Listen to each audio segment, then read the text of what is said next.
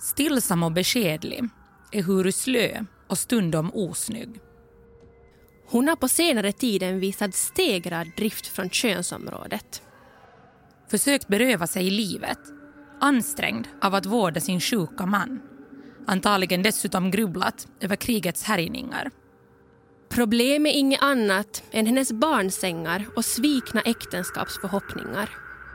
Dvärgväxt sitter ihopkrupen med stirrande blick. Fånigt grin. Hon berättar att hon har mördat sitt barn så att hon kunde börja förtjäna sitt uppehälle.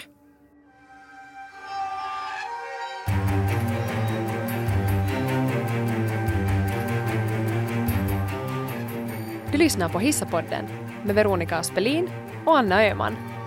Kvinnorna på Själö med döden som enda utväg.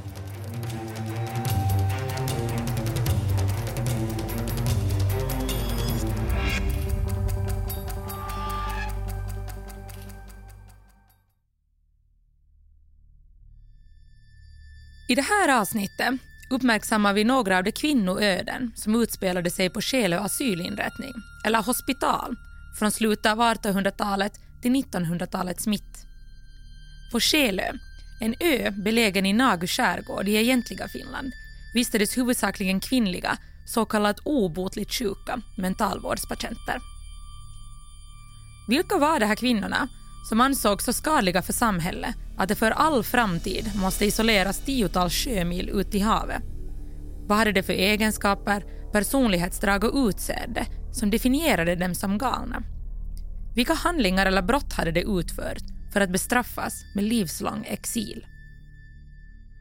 I avsnittet medverkar författaren Johanna Holmström som i samband med att hon skrev romanen Själarnas ö år 2017 flitigt studerade de kvinnoöden som utspelade sig på anstalten årtiondena kring sekelskiftet 1800-1900.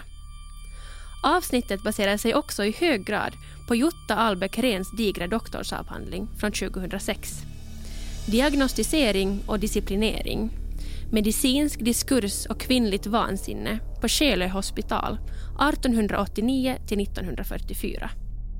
De berättelser som anges i avsnittet bottnar i verkliga livsöden och de patientbeskrivningar som uppläses är direkta citat ur medicinska journaler, huvudsakligen från Själö.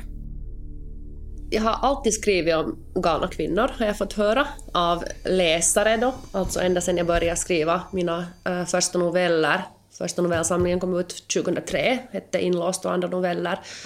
Så redan efter den så kom det människor då från liksom publiken, om jag hade uppträtt någonstans och, och det där, uh, diagnostisera olika huvudpersoner från min bok och sa att ja, den, här, den här kvinnan här är helt tydligt uh, hysterisk eller, eller hon är bipolär eller är hon inte det så är hon åtminstone allvarligt deprimerad. Och jag tyckte ju att det var liksom ganska intressant att någon känner ett sådant behov av att analys, liksom psykoanalysera fiktiva personer.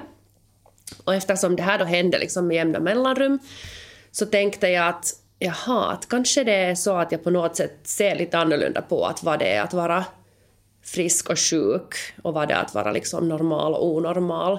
Och varför ska man göra sådana indelningar? Eller är det då är det samhället som bestämmer det? Och liksom började fundera jättemycket på det här med hur man ställer en diagnos. Och sen när jag då började forska om själen så förstår jag ju att det är jättesvårt. Så då blir det ju ännu mer absurt att de här, de här personerna av en väldigt kort novell kunde då fastslå diagnoser.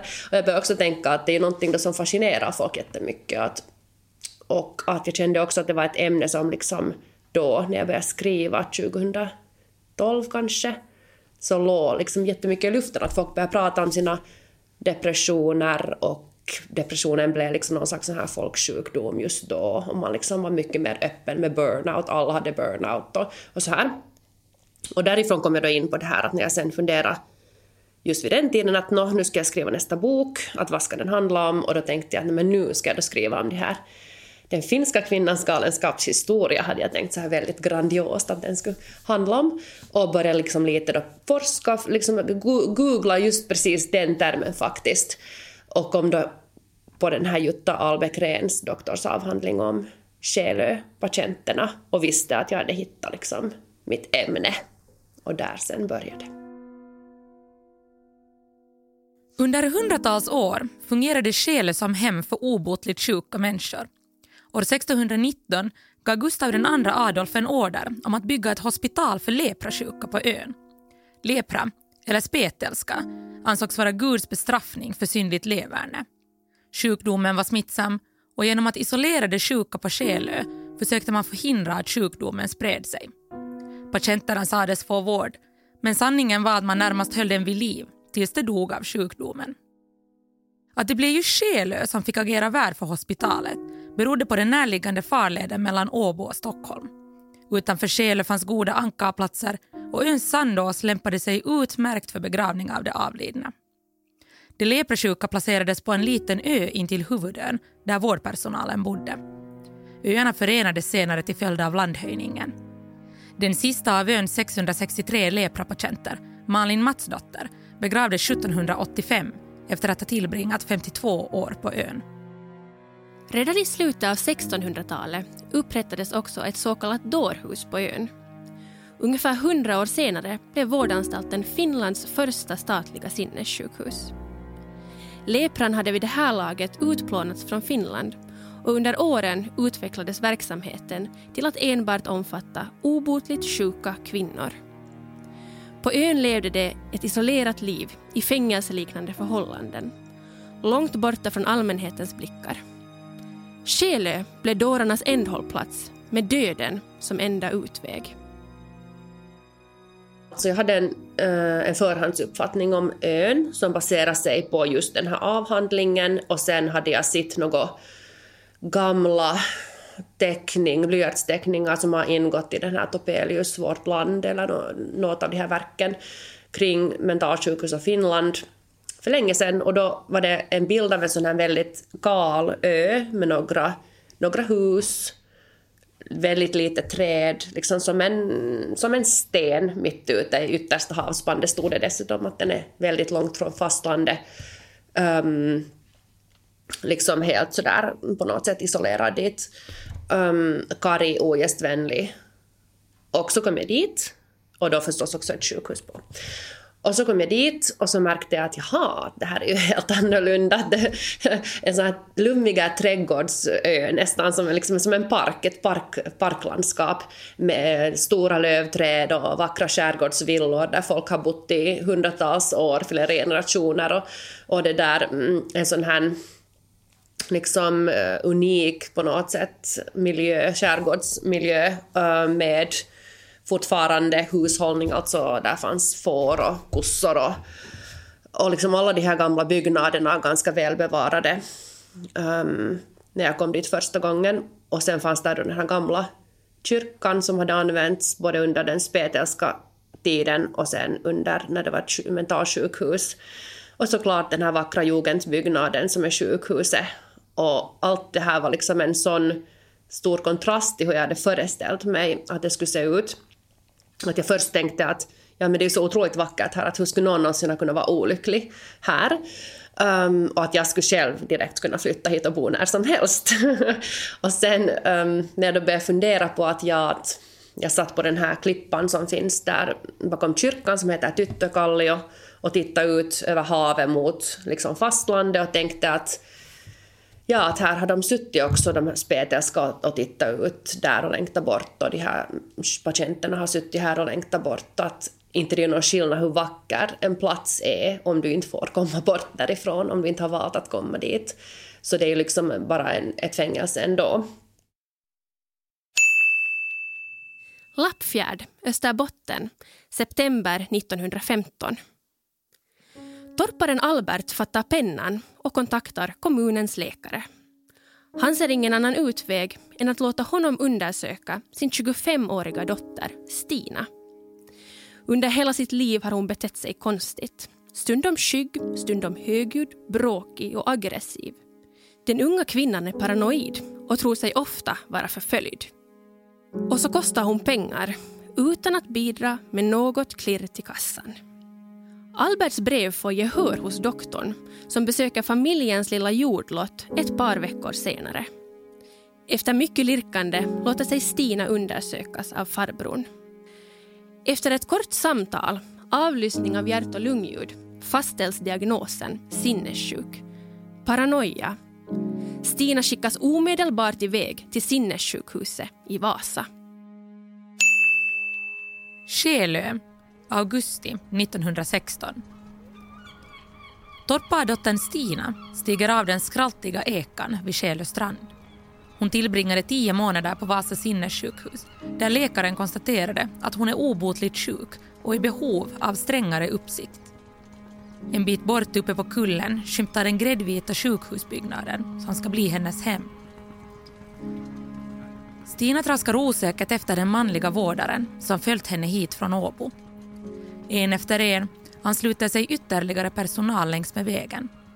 Ingen pratar. Det enda som hörs är ljudet från skorna som träffar sandvägen. Då de når sjukhusbyggnaden skrivs Stina in på asylinrättningen. Hon får lämna av sitt bagage i den två kvadratmeter stora cellen där hon ska bo. I korridoren utanför luktar det fränt av avföring. Utanför hennes rum ligger ytterligare ett femtiotal celler. Ur varje vrå hörs nervösa hummanden, gråt, skratt och skrik. Två manliga vårdare håller hårt i Stina medan en kvinna tar sats för att raka av hennes hår. Stina panikerar. Vill de ha livet av henne med saxen? Högljudda skrik ansluter sig till anstaltens oroliga läten. Då håret är borta lämnas Stina ensam kvar i rummet. Från sin smala säng vid cellens egna långsida ser hon sitt avklippta hår på golvet. Hon är genomsvettig efter kampen mot vårdpersonalen. Blod rinner längs med vaden från ett sår på hennes högra knä. Håller hon på att förblöda? Panikartat ropar hon på hjälp, men ingen verkar höra henne. Timmarna går och snart sänker sig natten över Själö.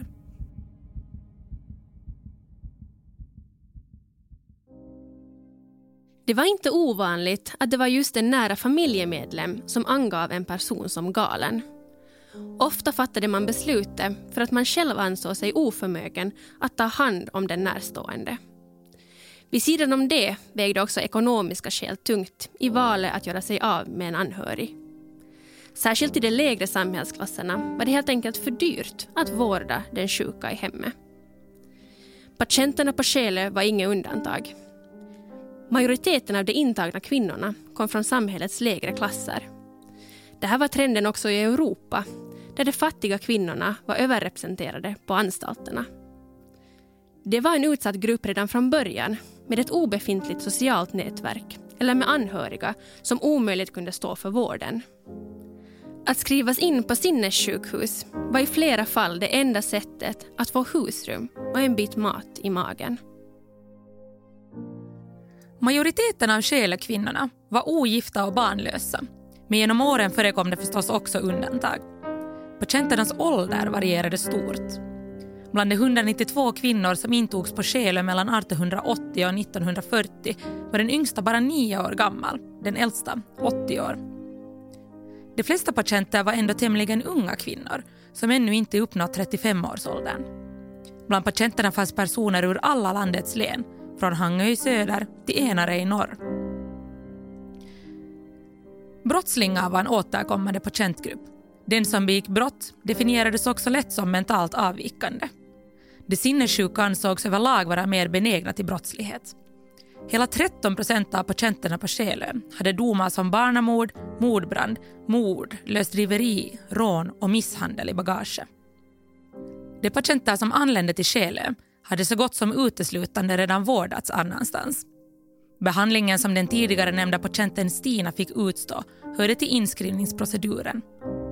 Efter att patienten skrivits in i sjukhusets journal förvisades hon till sin minimala cell där hygienen sällan omhändertogs. För en person som led av paranoia var det kala, två kvadratmeter stora rummet troligtvis skräckinjagande. Vad jag nu har förstått så fanns det i patientcellerna endast liksom en, en säng och ett litet skåp och ett, ett skrivbord, om ens det. Och äh, inte mycket mer.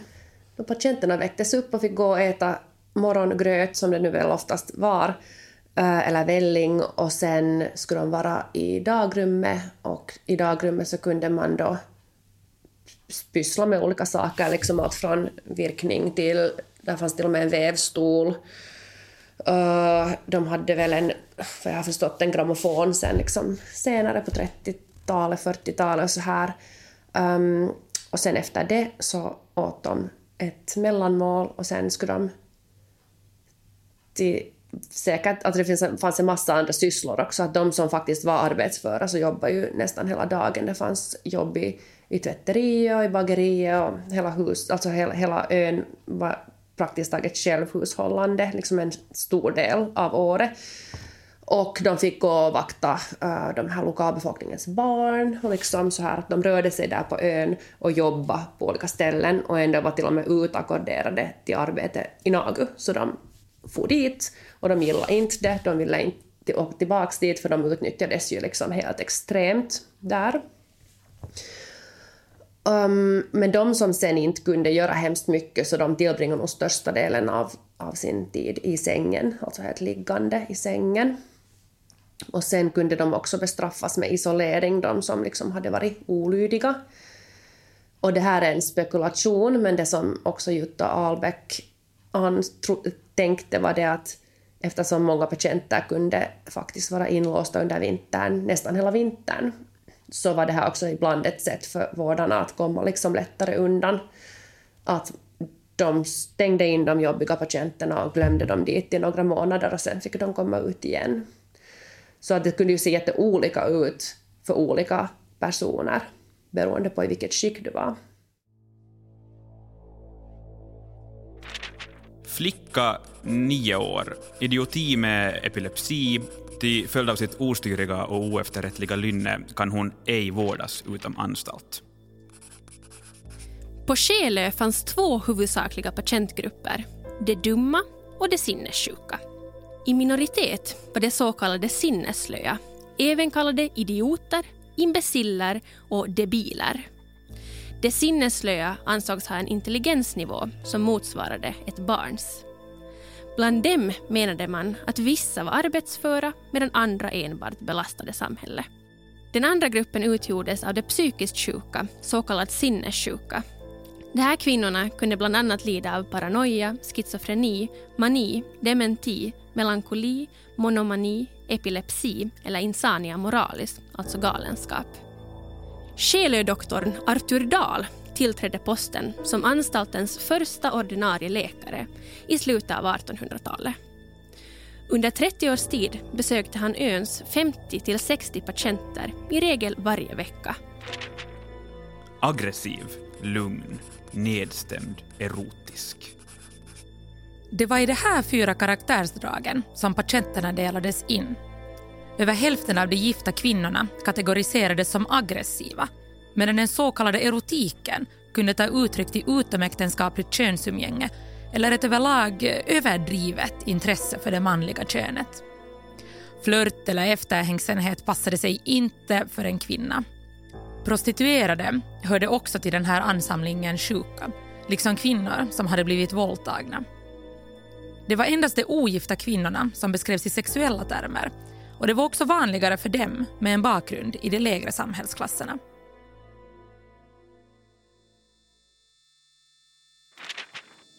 Beredd att hänge sig åt könsumgänge när som helst och med vem som helst. Fött en oäkting.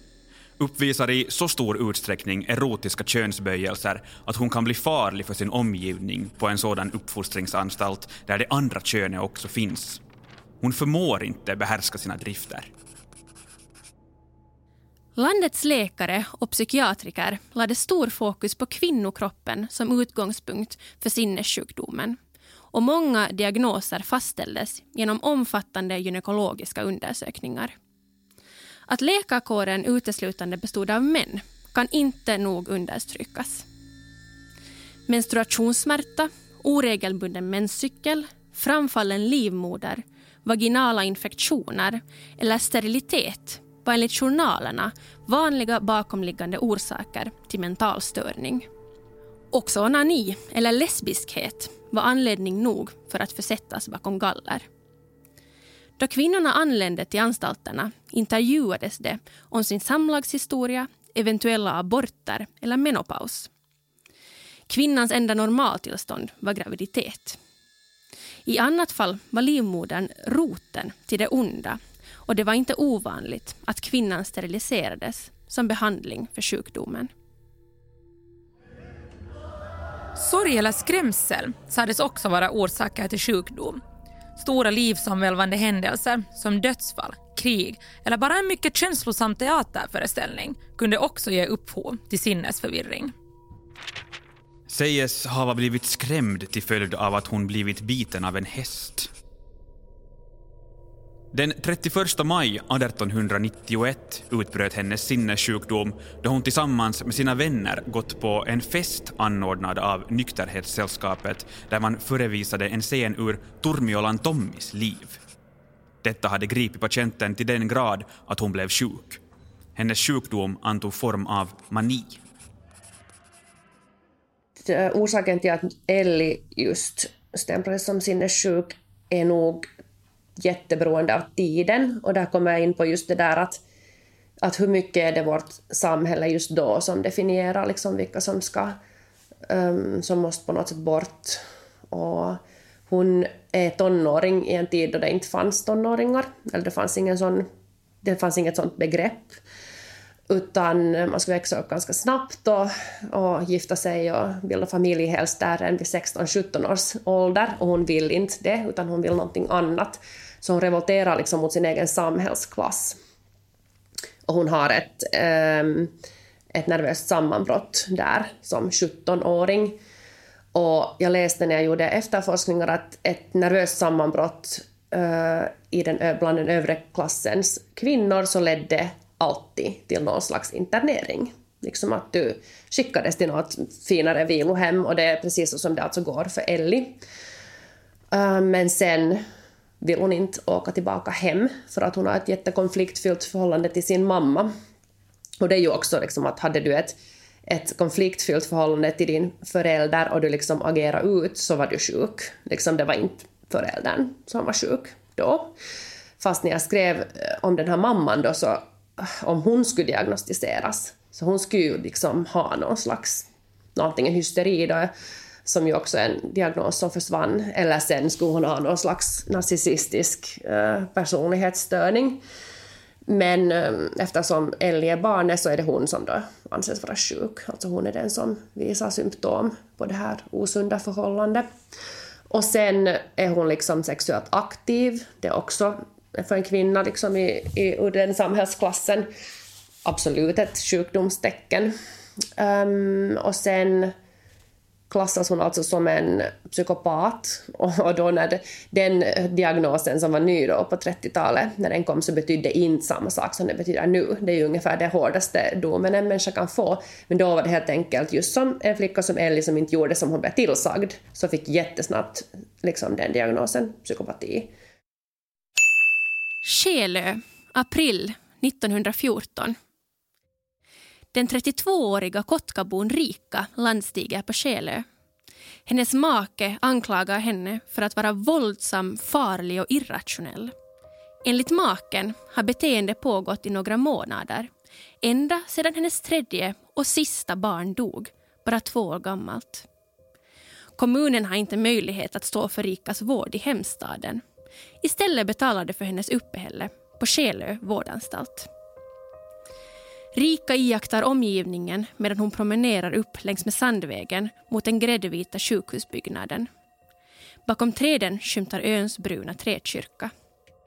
Härifrån blir det nog svårt att fly, hinner hon tänka innan det når anstalten. Lite senare samma dag eskorterar två kvinnliga dårvaktare Rika till hospitalets läkare, Artur Dahl. Han ska göra en utförlig medicinsk utredning över hennes tillstånd. Då Rika kliver in i rummet är doktorn redan märkbart stressad. Han har en lång dags arbete bakom sig. När Rika vägrar klä av sig inför honom suckar han högljutt.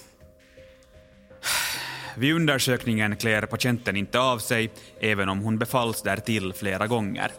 Efter cirka en kvart går hon med på att klä av sig, men öppnar kläderna så att magen och låren blir bara, även om man befallt henne att ta av sig kjolen och skjortan.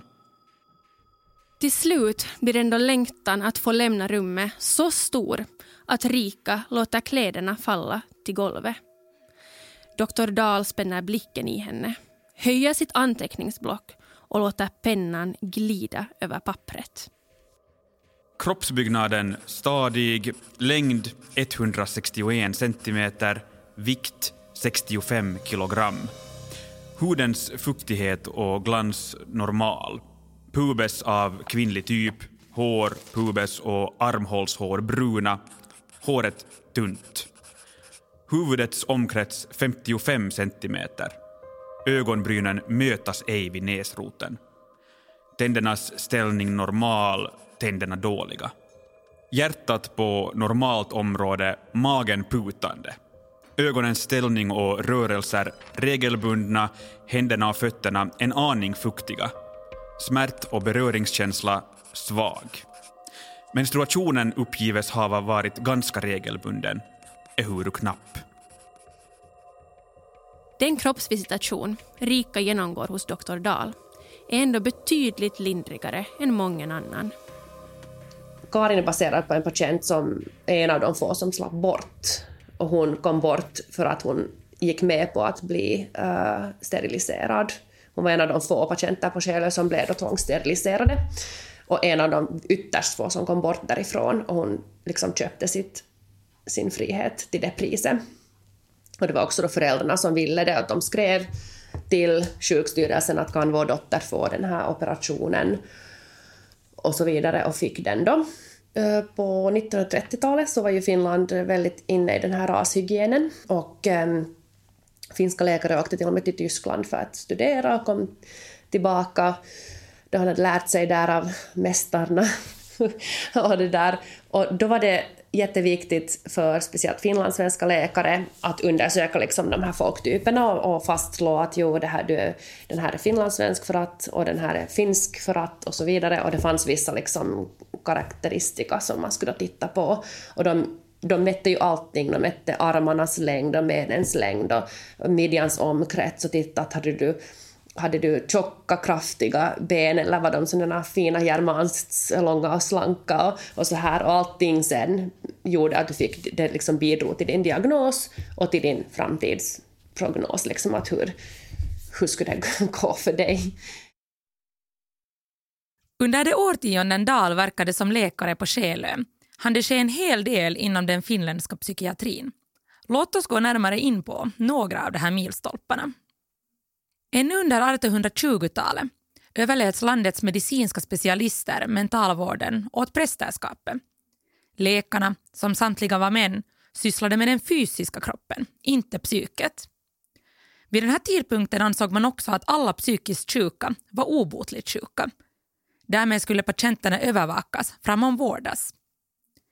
Ett tjugotal år senare ändrade det här och vissa läkare menade att det trots allt var möjligt att bota somliga sjuklingar från sina psykiska åkommor. Samtidigt började läkarstudenter gå kurser i mentalvård och försiktigt ägna sig åt patienternas psyken. Urbaniseringen och industrialiseringen kring sekelskiftet 1800-1900 resulterade i att allt fler arbetare och allt färre hade möjlighet att ta hand om sina sjuka i hemmet. Behovet av vårdanstalter ökade. I början av 1900-talet grundades flertalet nya sjukhus som uppdelades som statliga och kommunala anstalter. År 1880 fanns det två mottagningar för landets då drygt 3 000 registrerade mentalvårdspatienter. 40 år senare, år 1920, uppgick sinnessjukhusens antal till 15 medan också antalet personer i behov av vård hade mångdubblats. I början av 1900-talet grundades också den första lärostolen i psykiatri i Finland vilken leddes av överläkaren vid Lappvikens sinnessjukhus i Helsingfors. Ungefär i samma tider bildades Finlands psykiatriska förening som väckte föga intresse hos läkarkåren under det första årtiondet. Patienter kunde vårdas för bland annat insania simplex, enkel sinnessjukdom, som kunde ta uttryck i tungsinne, förvirring, ursinne, periodisk eller moralisk sinnessjukdom. Andra diagnoser var idiotia, alltså fånighet, alkoholismus chronicus, kronisk alkoholism och dementia paralytica, alltså sinnessjukdom med förlamning. Den finländska psykiatrin tog influenser från europeiska företrädare inom medicinforskningen. Särskilt tyskarna ansågs kunniga på området men också britter och fransmän visste vad det talade om. Från kontinenten spred sig i slutet av 1800-talet tanken om den hysteriska kvinnan. I konsten porträtterades hon som vild och erotisk. Den förrädiska kvinnokroppen stod som vanligt som syndabock för hennes tillstånd. I slutet av 1800-talet nådde också ärftlighetsläran, socialdarwinismen, Finland. Rashygienen, eugeniken, fick stor genomslagskraft även hos oss. Särskilt en del av den svenskspråkiga germanska eliten oroade sig för att beblandas med de mongoliska finnarna. Vissa läkare menade att sjukdomar som neuros och socialism oftare förekom hos den finskspråkiga befolkningen.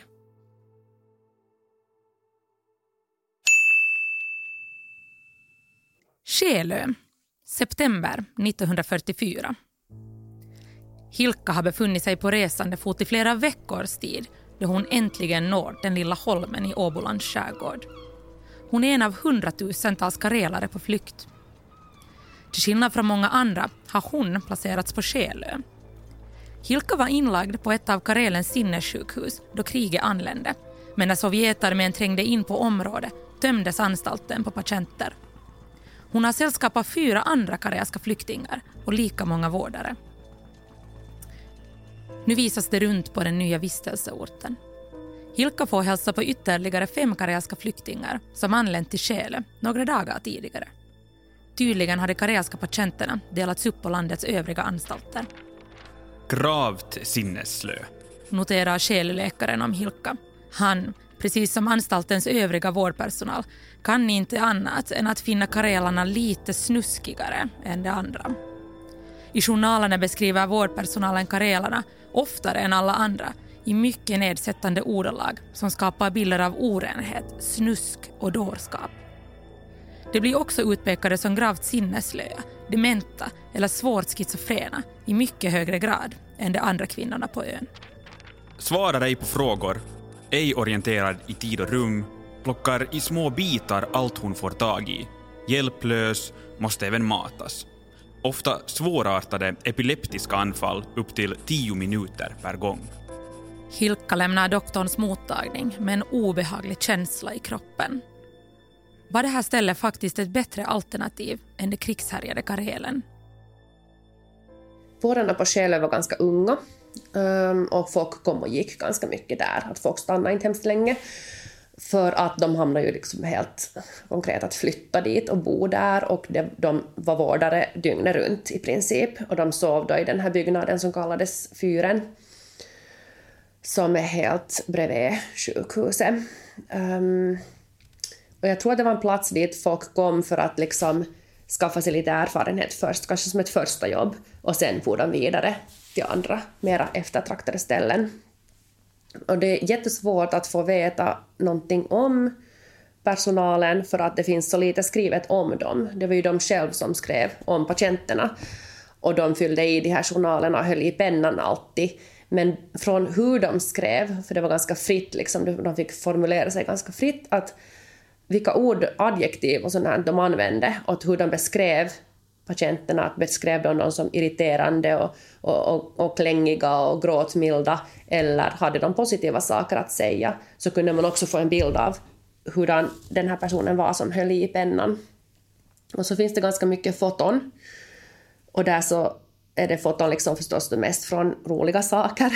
Inga foton förstås från mindre roliga saker, men som visar att de hade nog liksom de tog ut patienterna på kaffestunder ute liksom i det gröna och de sitter på stranden och, och övervakar simning. Liksom att patienterna fick ha ett, ett sånt här uteliv och, och då satt då vårdarna där och vaktade dem. Och um, så finns det en dokumentär där den här Själös Köksa, den sista, uh, uh, intervjuas. Och hon får frågan ungefär så att fanns det vänskap på den här ön? Och hon svarar att jo, att man ska ju komma ihåg att de flesta var ju väldigt, väldigt sjuka, att, att de gick inte att nå. Men att de som man kunde prata med och de som man kunde nå, så nog fanns det vänskap. Och hon menar alltså dels mellan patienterna och dels mellan vårdare och patienter. Och sen har jag också hört av liksom de här vårderskornas eh, barn, så nästan alla säger att deras mamma har sagt att när de jobbade på Själö så var det den lyckligaste tiden i deras liv.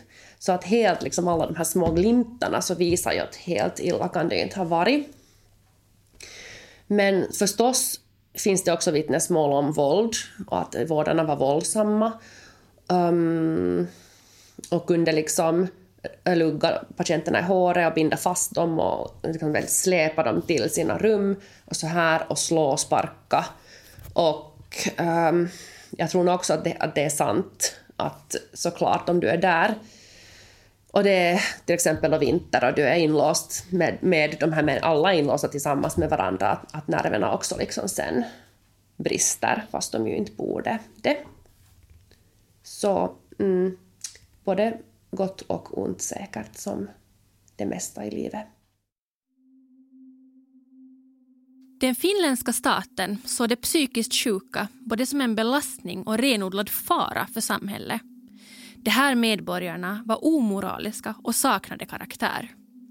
Många hade en böjelse för könsligt umgänge och särskilt de fattiga fortplantade sig i en ryslig fart. Flera hade en benägenhet till alkoholism och brottslighet och kostade staten dyra pengar. Under 1900-talets första årtionden inleddes en noggrann kartläggning över dessa samhällets olycksfåglar. Var befann de sig nu och var kunde staten hädanefter gömma dem för hela befolkningens säkerhet? De är ett ständigt hot mot kommande generationers själsliga hälsa. De har dessutom en ohämmad böjelse för könsumgänge. 1910 och 20-talets läkare skrev oroväckande rapporter om sjuklingarna. Läkarna uppskattade att upp till 10 procent av landets befolkning var psykiskt skadade. Snart skulle finländarna leva i ett enda stort dårhus ifall de sinnessvagas armé inte utplånades. Det var hög tid att sätta stopp för arvsmassans fortbestånd. Farfadern lär ska ha varit sinnessjuk, kusin på faderns sida sinnessjuk och småkusiner på faderns sida lär vara sinnessjuka. År 1929 tillkom en ny äktenskapslag som förbjöd giftermål med eller mellan sinnesslöa och sinnessjuka. Till den här gruppen kunde ibland också döva eller stumma samt epileptiker räknas. Det var möjligt att ansöka om dispens men ifall äktenskap godkändes medföljde ofta tvångssterilisering. 1935 infördes en lag som tillät tvångssterilisering av sinnesslöa imbeciller och idioter samt mentalt sjuka.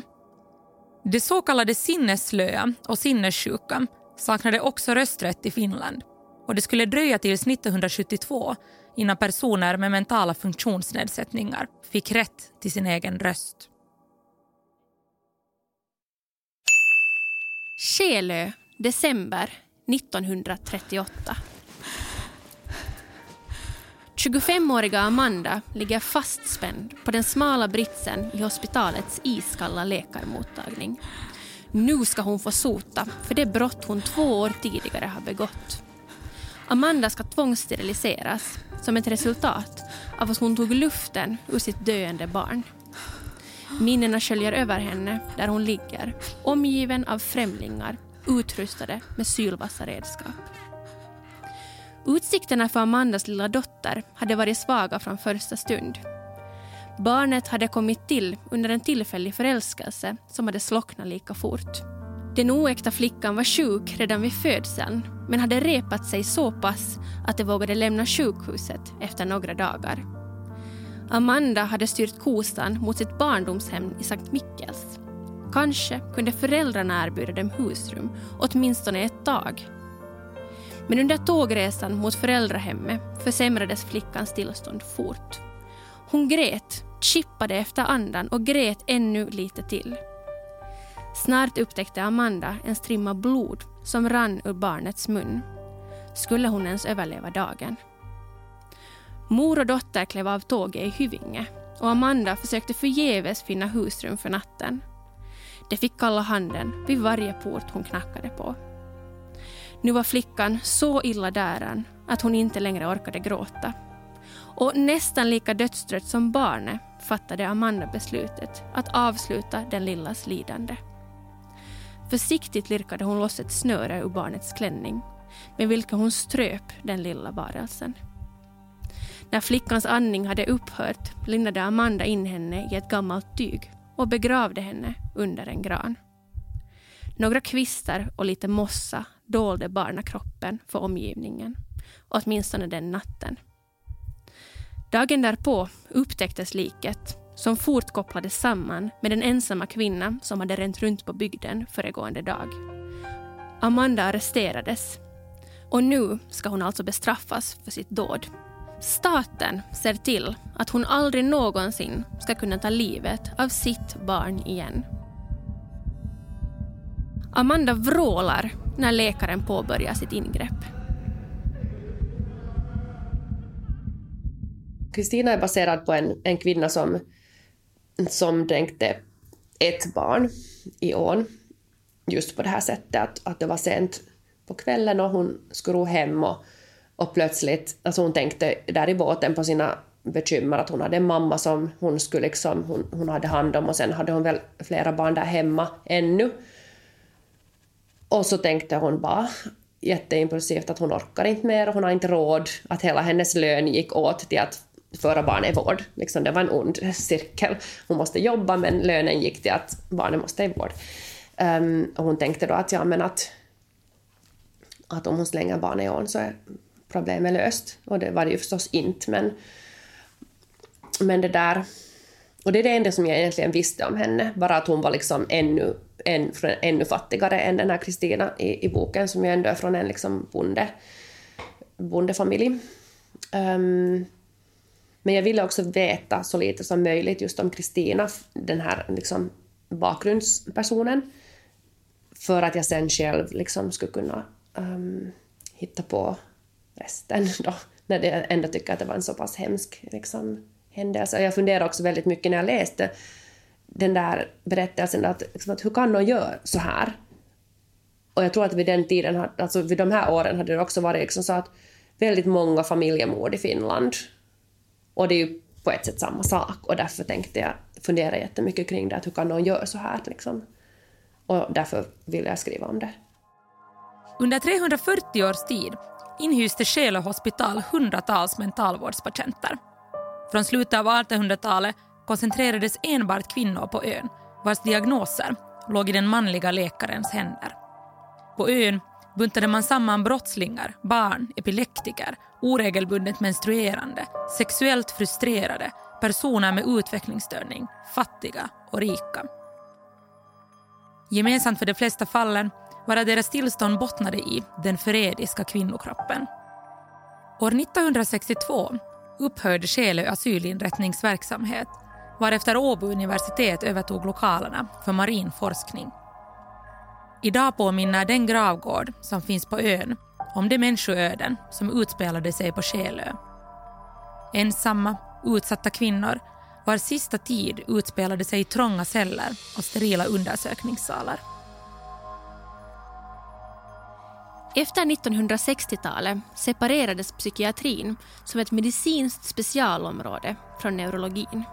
Fram till år 1977 kunde personer som ansågs farliga antingen för den allmänna säkerheten eller sig själva eller i uppenbart behov av akut vård tvångsintas på mentalsjukhus.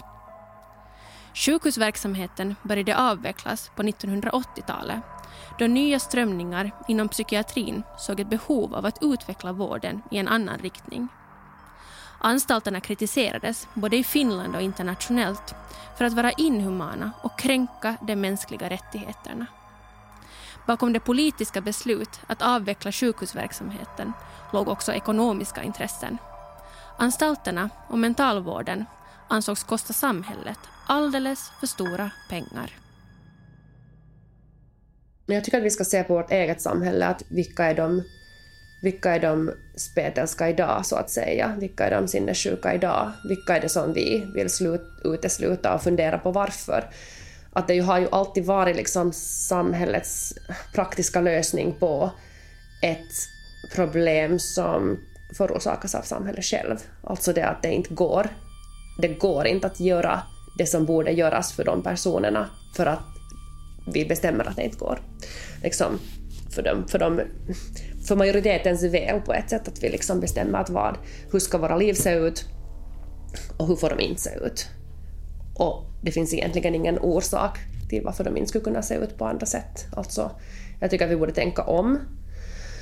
Eh, och det har man ju i viss mån gjort när det gäller sinnessjuka, det att sjukhusen stängdes och folk kallas inte mera liksom det är ingen skam på det sättet att ha diagnos som det var förr, men vad har hänt istället? Nå, folk är jätteberoende av tunga mediciner och blir liksom isolerade i sina egna hem istället och får egentligen ingen vård annan än ett piller i handen. Och, liksom, och just där borde man ju komma åt att vad är det som de här personerna skulle behöva. Och troligen skulle de behöva sånt som vi inte kan ge dem. troligen skulle de behöva en personlig vårdare liksom dygnet runt som tycker om dem och pratar med dem och liksom att det är kanske mer också ett ensamhetsproblem. Ja, alltså nu har vi ju fortfarande diagnoser som jag tror att kommer att försvinna eh, i något skede och man tänker just nu på alla de här barndiagnoserna. Att liksom hur aktiv får du vara för att du ska vara då överaktiv och vad, var fanns de här barnen förr? Vad hände med dem? är det alls berättigat att folk ska sitta så länge i skolan om det inte är det som de vill eller passar? Liksom att, att det är ju sådana jättestora strukturella grejer som borde lösas, inte det att, du, att det här barnet på något sätt utsätts, utan det är ju vi som ska se till att vi kan ordna det så att alla ska få vara, alltså alla ska få ha sin egen personlighet och det ska finnas rum för alla personligheter och det ska finnas rum också för de som är jätteaktiva och har svårt att sitta stilla och de ska inte behöva tvingas och få ett piller och liksom, det är ju inte det, utan vi borde ju ge åt dem det de behöver. Och det är kanske då inte just medicin. Och jag tror att det här kommer liksom att på något sätt utvecklas i någon annan riktning. Att, de här, att, vi att det liksom, när mina barn är vuxna, att de kommer att se tillbaka på det här med de här barndiagnoserna och vara så att hur kunde ni göra det här?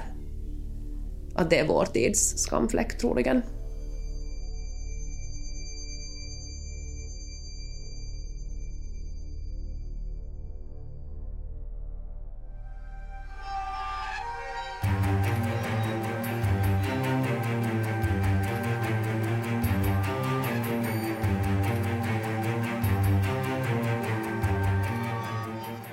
Har lyssnat på Hissapodden med Veronica Aspelin och Anna Öhman. Inspelad av Tobias Jansson och producerad av Freja Lindeman.